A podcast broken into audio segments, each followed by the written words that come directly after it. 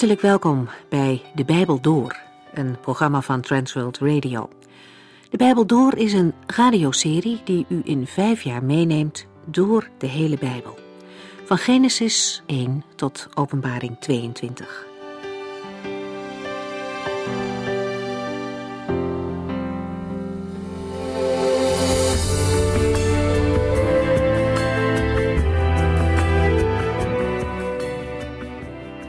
Houdt van het leven en wil er graag gelukkig zijn? Dat zou een vraag uit een willekeurig tijdschrift van deze tijd kunnen zijn. Maar het komt uit de Bijbel, uit Psalm 34. David laat hierin zien dat een gelukkig leven alles te maken heeft met leven in ontzag voor God.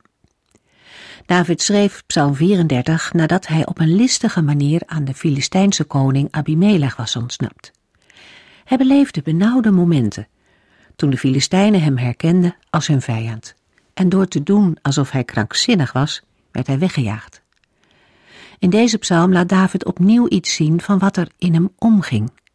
Hij schept niet op over dat slimme ontsnappingsplan, maar hij geeft de eer aan de Heere God. Dat is de reden voor Davids uitbundige lofprijzing aan het begin van de psalm. De engel van de Heere heeft hem bijgestaan en gered de engel van de Heere wordt drie keer in de psalmen genoemd. Eén keer in psalm 34 en twee keer in psalm 35. In het Oude Testament is de engel van de Heere de openbaring van Jezus Christus. In het Nieuwe Testament komt deze benaming niet meer voor.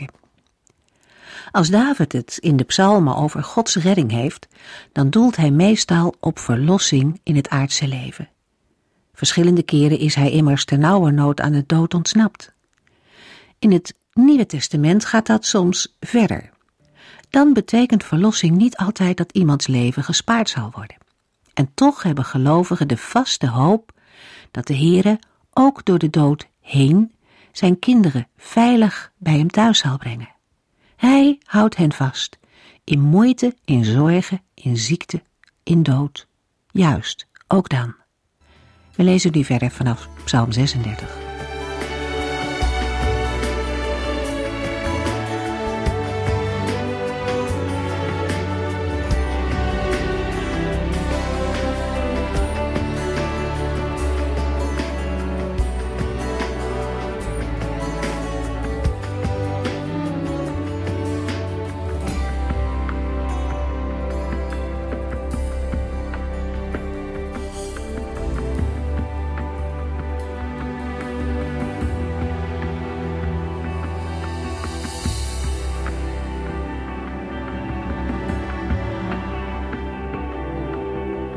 Psalm 36 bestaat, na het opschrift in vers 1, uit drie delen, die duidelijk herkenbaar zijn. In het eerste deel wordt de levenswijze van de goddeloze getypeerd. Daarna bezingt David de Heere, die trouw is en bevrijdt. Pas in het derde deel wordt duidelijk wat deze twee delen van de psalm met elkaar hebben te maken, doordat beide lijnen in omgekeerde volgorde bij elkaar komen.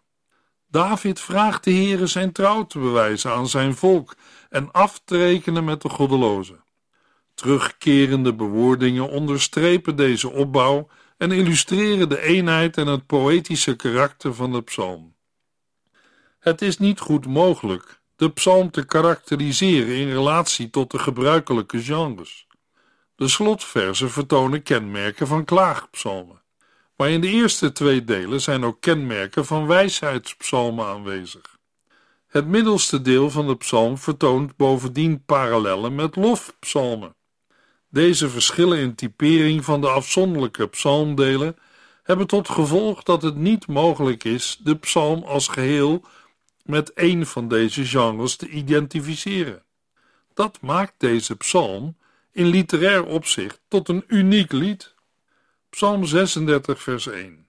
Van David, de dienaar van de Heere, voor de koordirigent. Het opschrift boven de psalm vertoont overeenkomsten met dat van Psalm 18.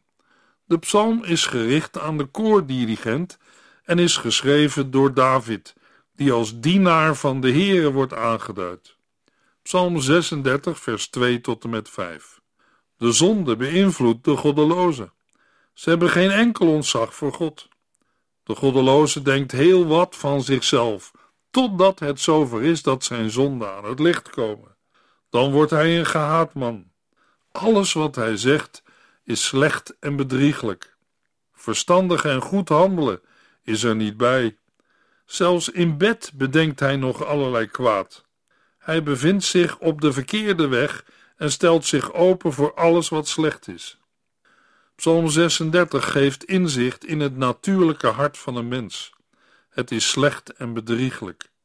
In Jeremia 17, vers 9 lezen we: Het hart is het meest bedriegelijke ding dat bestaat. Het is door en door slecht. Niemand kan ooit precies weten hoe slecht het is. Ook in het eerste deel van Psalm 36 vinden we een algemene typering van een mens zonder God, de goddeloze. De openingszin in vers 2 is lastig te vertalen. Maar vermoedelijk moeten we deze zo uitleggen dat de zonde de goddeloze diep in zijn hart, dat wil zeggen in zijn innerlijk, toespreekt.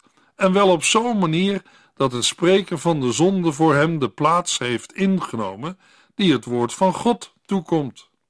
Ontzag voor de Heere staat de goddeloze niet voor ogen.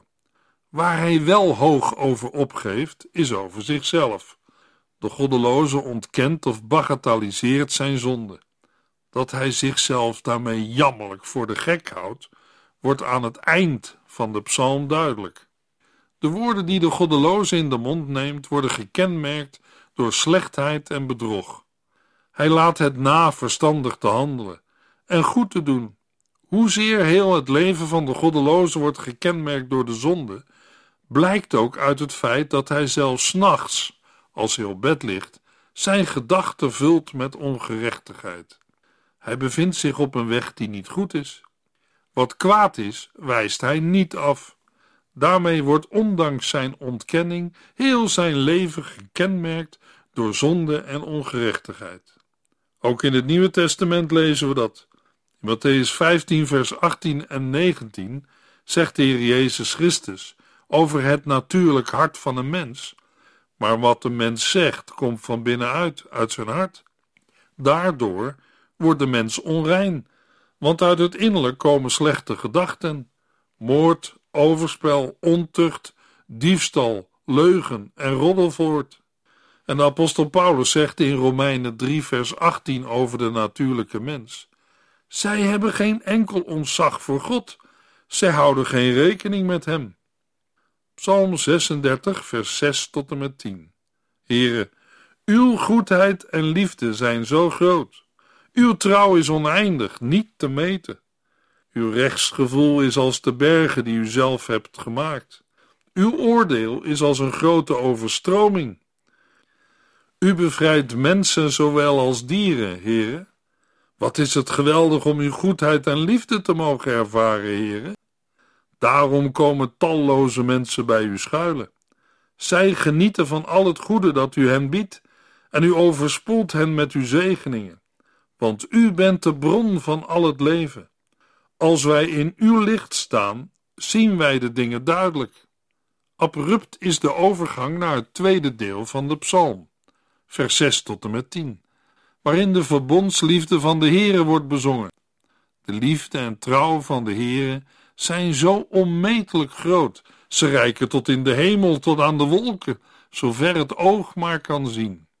Het rechtsgevoel van de Heere, wat bestraffing inhoudt voor de goddelozen, maar verlossing voor wie ontzag voor hem hebben, is indrukwekkend groot als de machtige bergen, en zijn oordeel als een grote overstroming. De verlossing die de Heere geeft is veelomvattend en strekt zich uit tot mens en dier, de hele geschapen werkelijkheid. In vers 8 heft David opnieuw een lofzang aan en zingt hij het uit tot God. In vers 10 besluit David zijn lofprijzing dan ook met een belijdenis. Want u bent de bron van al het leven. Als wij in uw licht staan, zien we de dingen duidelijk, of anders gezegd, bij u is de bron van het leven. In uw licht zien wij het licht. Zo maken deze verzen duidelijk dat alleen de Heere bescherming, overvloed en leven geeft. Psalm 36, vers 11 tot en met 13. Laten uw volgelingen voortdurend uw goedheid en liefde mogen ervaren. En laten de eerlijke mensen mogen delen in uw rechtsgevoel. Zorg toch dat de hoogmoedige geen vat op mij krijgt en de goddeloze mij niet opjaagt. De mensen die slechte dingen doen, zijn gevallen. Ze zijn neergeslagen en kunnen nooit meer opstaan.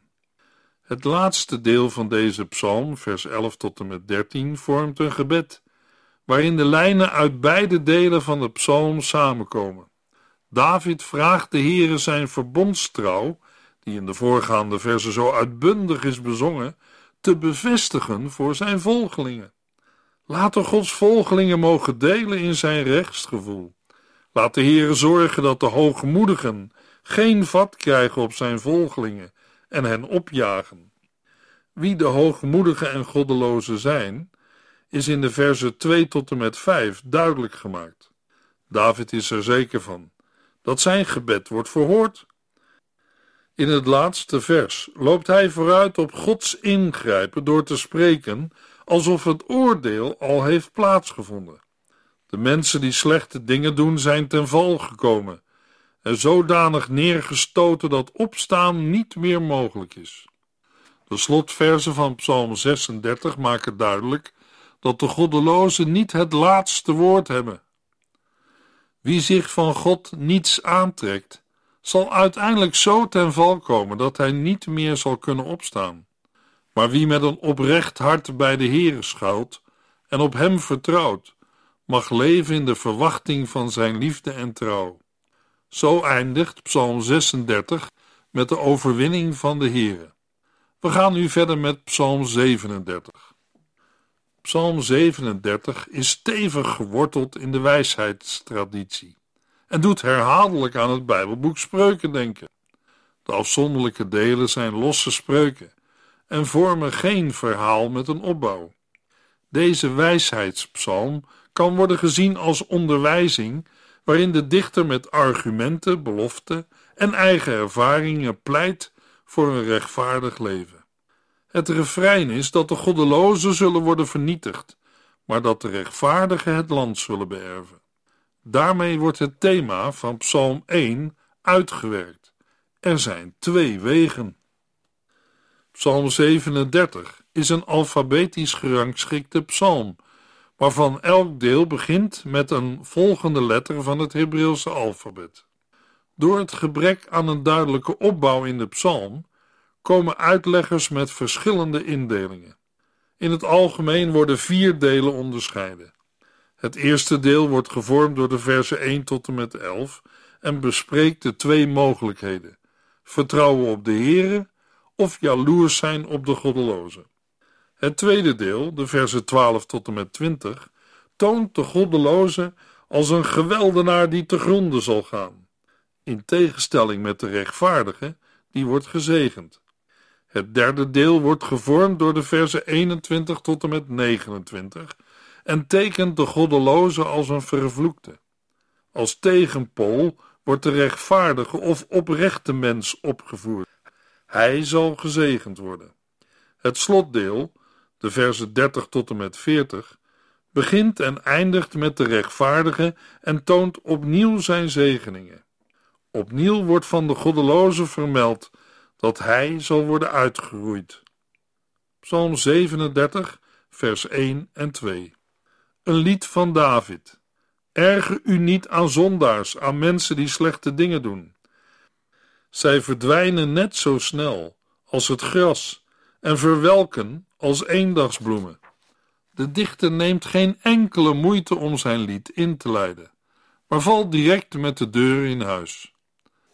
Hij poneert meteen de centrale gedachte van de hele psalm, maar dan wel vanuit een negatieve opdracht: wees niet jaloers.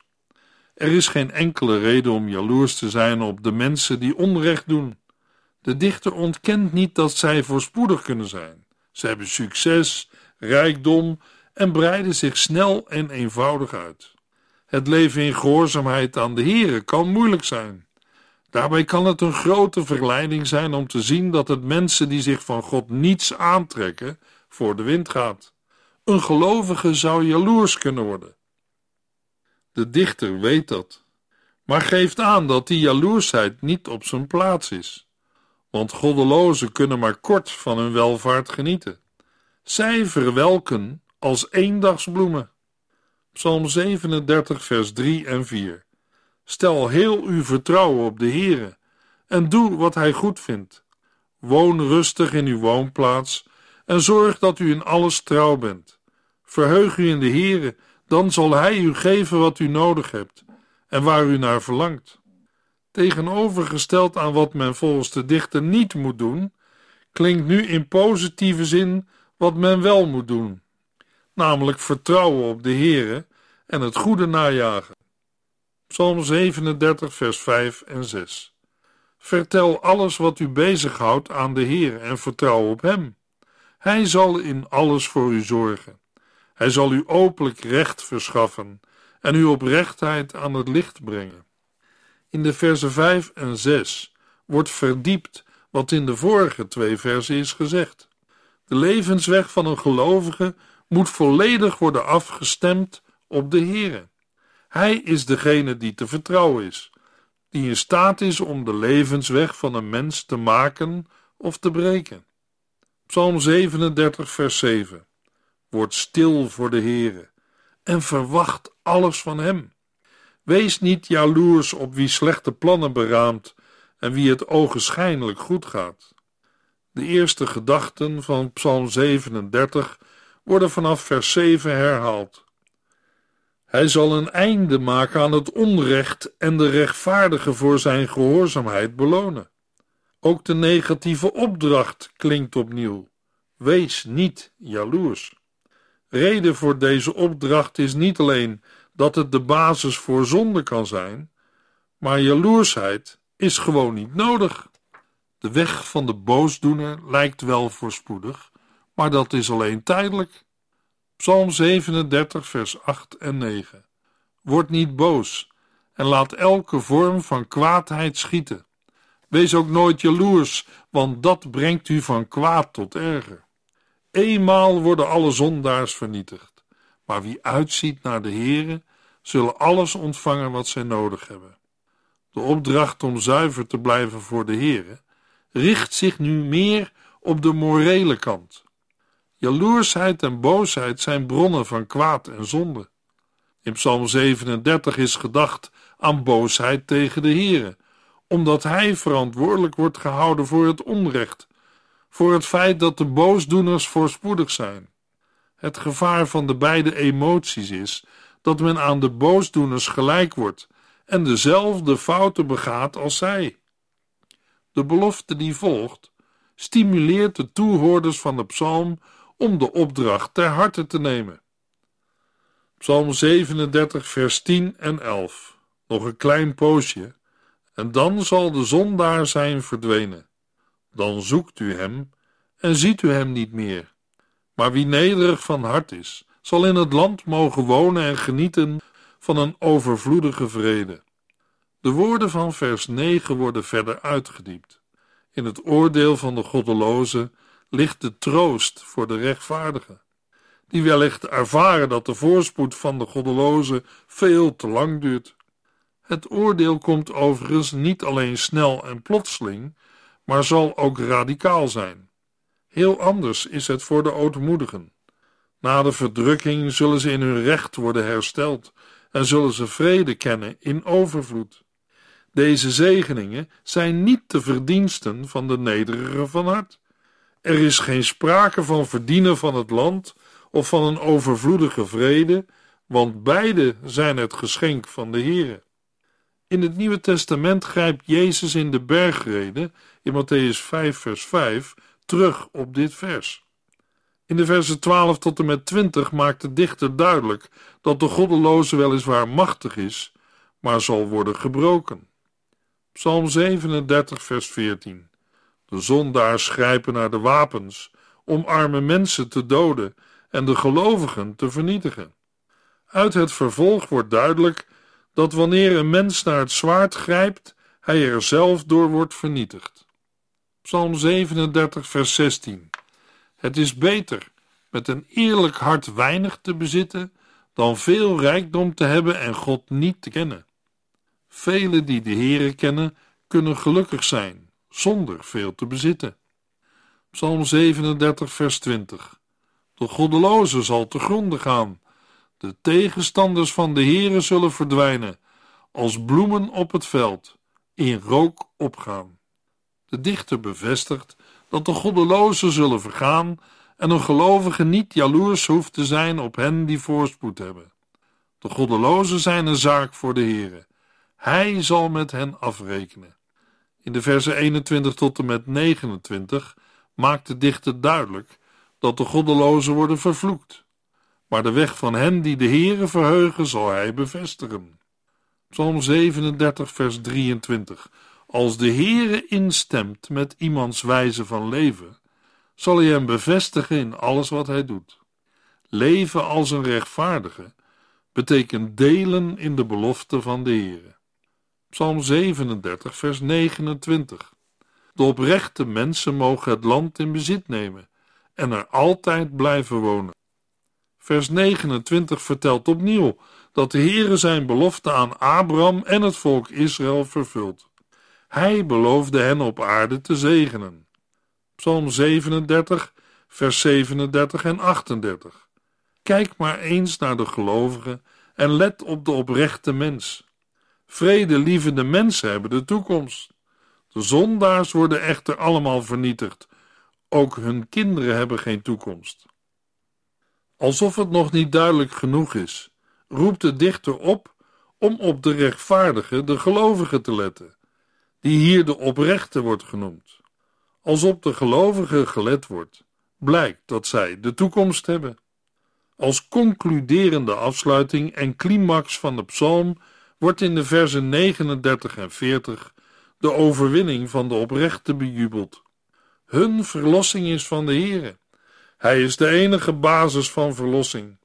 Uiteindelijk zal hij hen van de onderdrukking door de goddelozen bevrijden. Dat is zo zeker als de wet van de zwaartekracht. Na Psalm 37 gaan we nu Psalm 38 lezen en bespreken. Psalm 38 begint en eindigt met een bede om hulp in een situatie van nood, in het bijzonder van ziekte. Daarbij vraagt de dichter of de Heere zijn toorn wil afwenden. Psalm 38 wordt traditioneel gerekend tot de zeven boetepsalmen. Het lied bevat 22 strofen, evenveel als de letters van het Hebreeuwse alfabet. Maar in Psalm 38 begint niet elke regel met een volgende letter van het alfabet. Net als in gelijksoortige psalmen het geval is, is ook in Psalm 38 sprake van veel herhalingen, om de inhoud des te meer onder de aandacht te brengen. Psalm 38 bestaat uit drie delen. In het eerste deel, vers 2 tot en met 11, wordt de ziekte beschreven. In het tweede deel, de versen 12 tot en met 21, staan de sociale gevolgen van de ziekte centraal. En in het derde deel, de versen 22 en 23, richt de dichter zich tot de Heere met zijn verzoek om verlossing. Psalm 38, vers 1. Een psalm van David ter overweging. De inleidende woorden zijn uitgebreider dan in Psalm 37. Er staat tevens een opmerkelijke toevoeging bij: ter overweging. Het doel kan primair zijn om de situatie van de zieke bij de Here te brengen. Psalm 38, vers 2 tot en met 11. Och Heere, straf mij niet in het vuur van uw toren. Uw pijlen hebben mij geraakt en uw hand drukt op mij. Door uw toorn ben ik ziek geworden. Door mijn zonde heb ik mijn gezondheid verloren. Mijn zonden zijn mij te veel geworden. Zij vormen een grote last in mijn leven. Door mijn eigen dwaasheid zijn mijn wonden ontstoken. Er komt pus uit. Ik ben een gebroken mens en ga gebukt onder mijn lasten. Ik draag alleen nog zwarte kleding.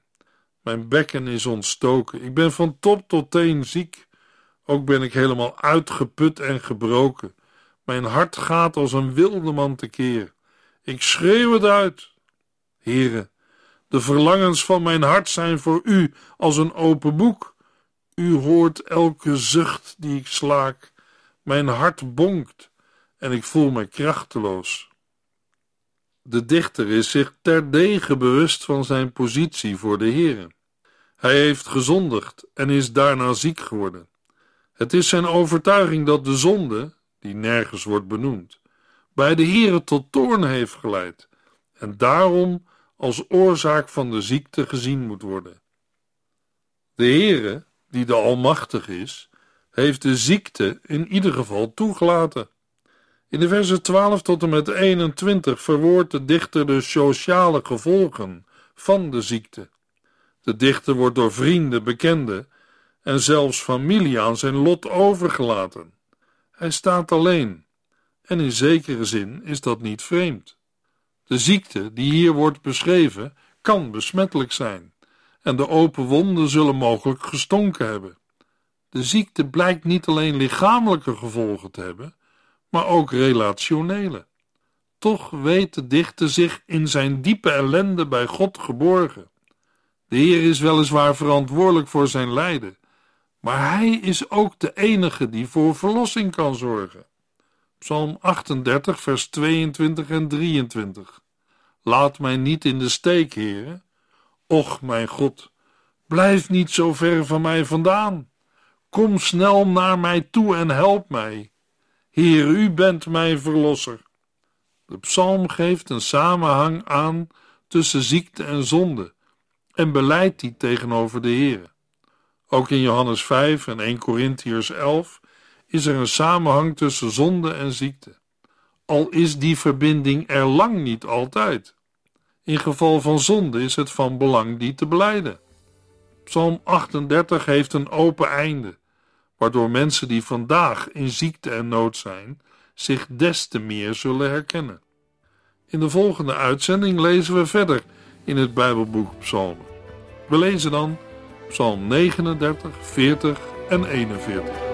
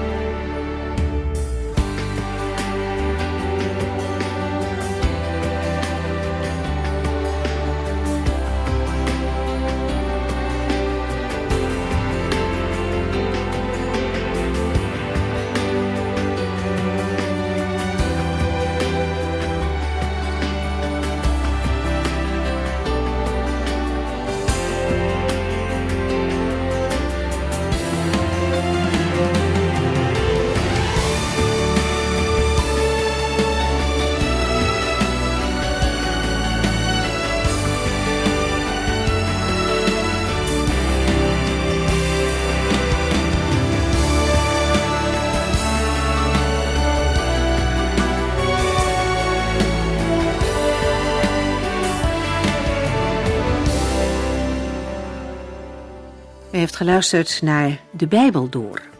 In het Nederlands vertaald en bewerkt door Transworld Radio.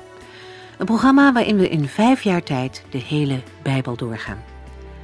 Als u wilt reageren op deze uitzending of u heeft vragen, dan kunt u contact met ons opnemen. Tijdens kantooruren kunt u bellen op 0342 47 8432. 0342 47 8432. 32. Ook kunt u een e-mail sturen naar de Bijbel door transworldradio.nl en natuurlijk kunt u ook via de post ons bereiken. TWR, postbus 371, postcode 3770, AJ in Barneveld.